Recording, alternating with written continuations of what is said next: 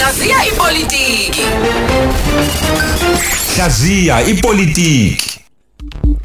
Sisho njalo ke nomfowaka nomajalimane sesinaye njengamanje umnumzana uNhlanhla Mtaka okuyena ke ongumhlaziyi wezepolitika sikubingelele ekseni emsakazweni ukhozi FM. abendlovu enamandla enhla nasezantsi siyabingelela dadewethu Eh isihloko sanamuhla sithi ngabe izwe likalwa ngani? Ingqala sizinda noma ngabantu balo na? dadewethu lesi sihloko simqoka kakhulu kimi emva kokufunda inkulumo kaMengameli umfoka Samuel engamakhasi angamashumi amathathu nanhlanu kwinkulumo ekuthiwa inkulumo kaMengameli mina ngiqoma ukuyibiza ukuthi inkulumo ngqangi ngifikelwe imibuzo emibili emithathu.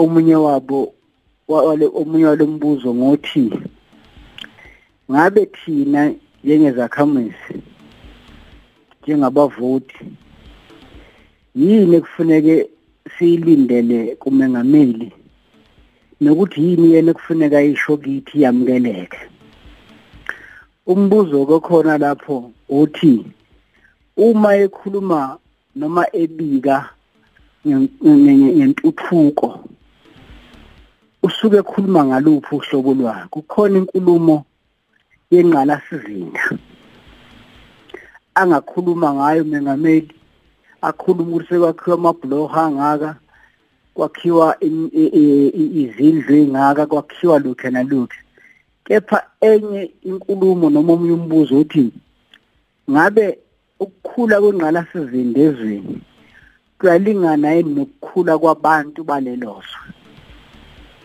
kumqoka ke dadewethu ukuthi lokhu sikwazi noma sikuxoxe njengabantu baseningizimu Afrika ukuthi uma umengameli ekhuluma uma kolamasonto azayo nje kuzokhuluma ondunankulu nabo bathi babika ngokuthi isimo sesifundazwe kuphinde lapho bese kukhulunywa kukhuluma imeya nazo ikhulume ngokuthi isimo sikamasipala. Labaholi bethu uma bezosibikela babika ngani? Babika ngentuthuko engqalasizinda noma babuka ngentuthuko yethu njengabantu. Lokhu ukubona ukuthi kuyaphambana umuzi umuntu ethi iningizimu Afrika uma beyidayisa phesheya ine inene Cape Town inethiko wena uma ubuka noma uzulalela ucabanga ukuthi ayikho imjondolo eCape Town Khayelisha ayikho imjondolo eThekwini ngoba itheku libekwe kwathiwa lihle ngoba abaholi bethu bathi kukhona into ekuthiwa intuthuko yenqalasizinda.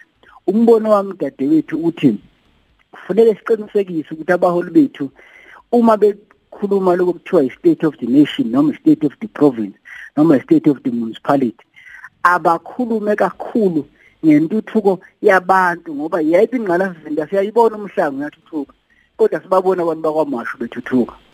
Siyalibona ikapa liyathuthuka kodwa sibabona abantu basekhayilisha bathuthuka ngamafuphi sijabuliswa ingqalasizinda. Okwesibili ohulumeni bethu noma abaholi bethu bakhuluma ngento ekuthiwa umnotho okhuphukayo noma okhulayo.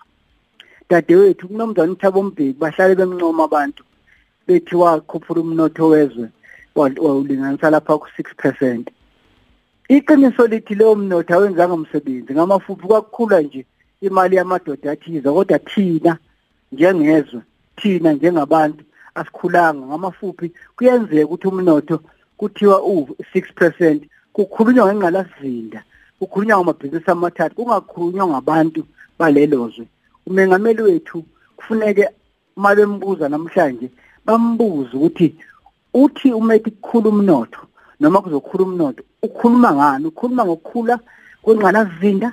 Noma ukhuluma ngabantu ezweni njengoba ngisho ukuthi umnomzana Thabo Mbeki kuyokukhulunywe amanga kuthiwa wakhophula umnotho. Ayikho leyo kwaku6% wengqalasizinda no6% wabantu abathi hayi abakhulu abakhulanga abantu baseningizimu Afrika. Okwesithathu dadewethu kule nkulumo kunento ejabulisa abantu abaningi. Uyabona uma ungazazi ukuthi ubiza malini emhlabeni udlala abantu. Kunento ekuthiwa u350 dadewethu. Abantu baseningizimu Afrika bajabulile ukuthi kuzoba u350 sonke siyabajabulela. Kodwa umbuzo uthi uvelaphi u350 ngamafuphi? Ukuze sikwazi ukuthola ukuthi uvelaphi u350 kufuneke njengezakhamisi sazi ukuthi imali yethu yenziwa kanjani bese yabiwa kanjani. Ngisho ukuthini uma ngisho njalo? Ngisho ukuthi akuyibuze lapha ekhaya ukuthi izwe lakho umasipala wakho ukhipha malini ngawe njengesakhamuzi? Uwedwa nje. Yabona njengoba sazi ukuthi ejele isiboshwa iplate lase ekuseni emini ntambama malini?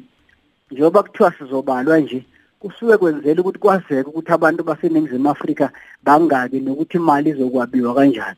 Umbuzo wami ke uthi sijabule yini ukuthi kune 350 singezwanga ukuthi uvelaphi? Kungenzeka into 350 uthatha kithi abantu abaningi abazange ukuthi le mali kwathiwa iphumile ngonyaka odlule noma ngeminyaka edlule yayithatha kwezemfundo ithatha kwezempilo. Ngamafuphi ujatshuliswa ukuthi kuthathwa into ethize kuwe kuphinde kunikezwe wena.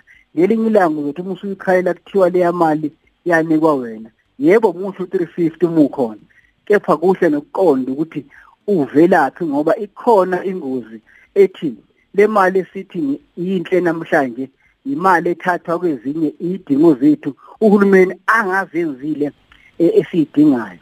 Uzothi omunye ke sidlule ekhulumeni ngingenzani mina njengomuntu wakwamasha umuntu wakanongoma umuntu waselimpopo ngalento? Ilula lento bakithi njengoba sihlale sisho kuleli sonto kule ngesonto ngiyaxolisa ngamasonto adlule kumqoko ukuthi wena lapha ekhaya wazi ukuthi imali yakho isetshenziswa kanjani imali yakho iyabiwa kanjani? Awuyibuze nje obungilayele nje ukuthi ngakini nje obuhlala ushisa nje amathayi nje obuhlala uhlanganisa abantu ukuthi liya ikhansela lenza kabi? Umbuzo uthi umalini umkhandlu wakho onawo? Lapho kanongoma lapho emsinga eh lapho lapho koleli Smith zibuzeni ukuthi umasipala wakho unamalini isabelo mali sawo ngoba umuke wazi lokho uzokwazi namhla bedlala ngawe bekunika into eyilungelo lakho bethi jabula ngoba bekunika ilungelo lakho. Uma sike sazi lokho njengabantu baseningizimu Afrika akekho umuntu uyodlala ngathi ikhona ingozi yokuthi le mali esiyijabulelayo kuthathwe esakeni lethu ngamafuphi kuthathwa kwezinye idingo zethu esiyidinga kakhulu kuyiswa emalini nayo esiyidingayo.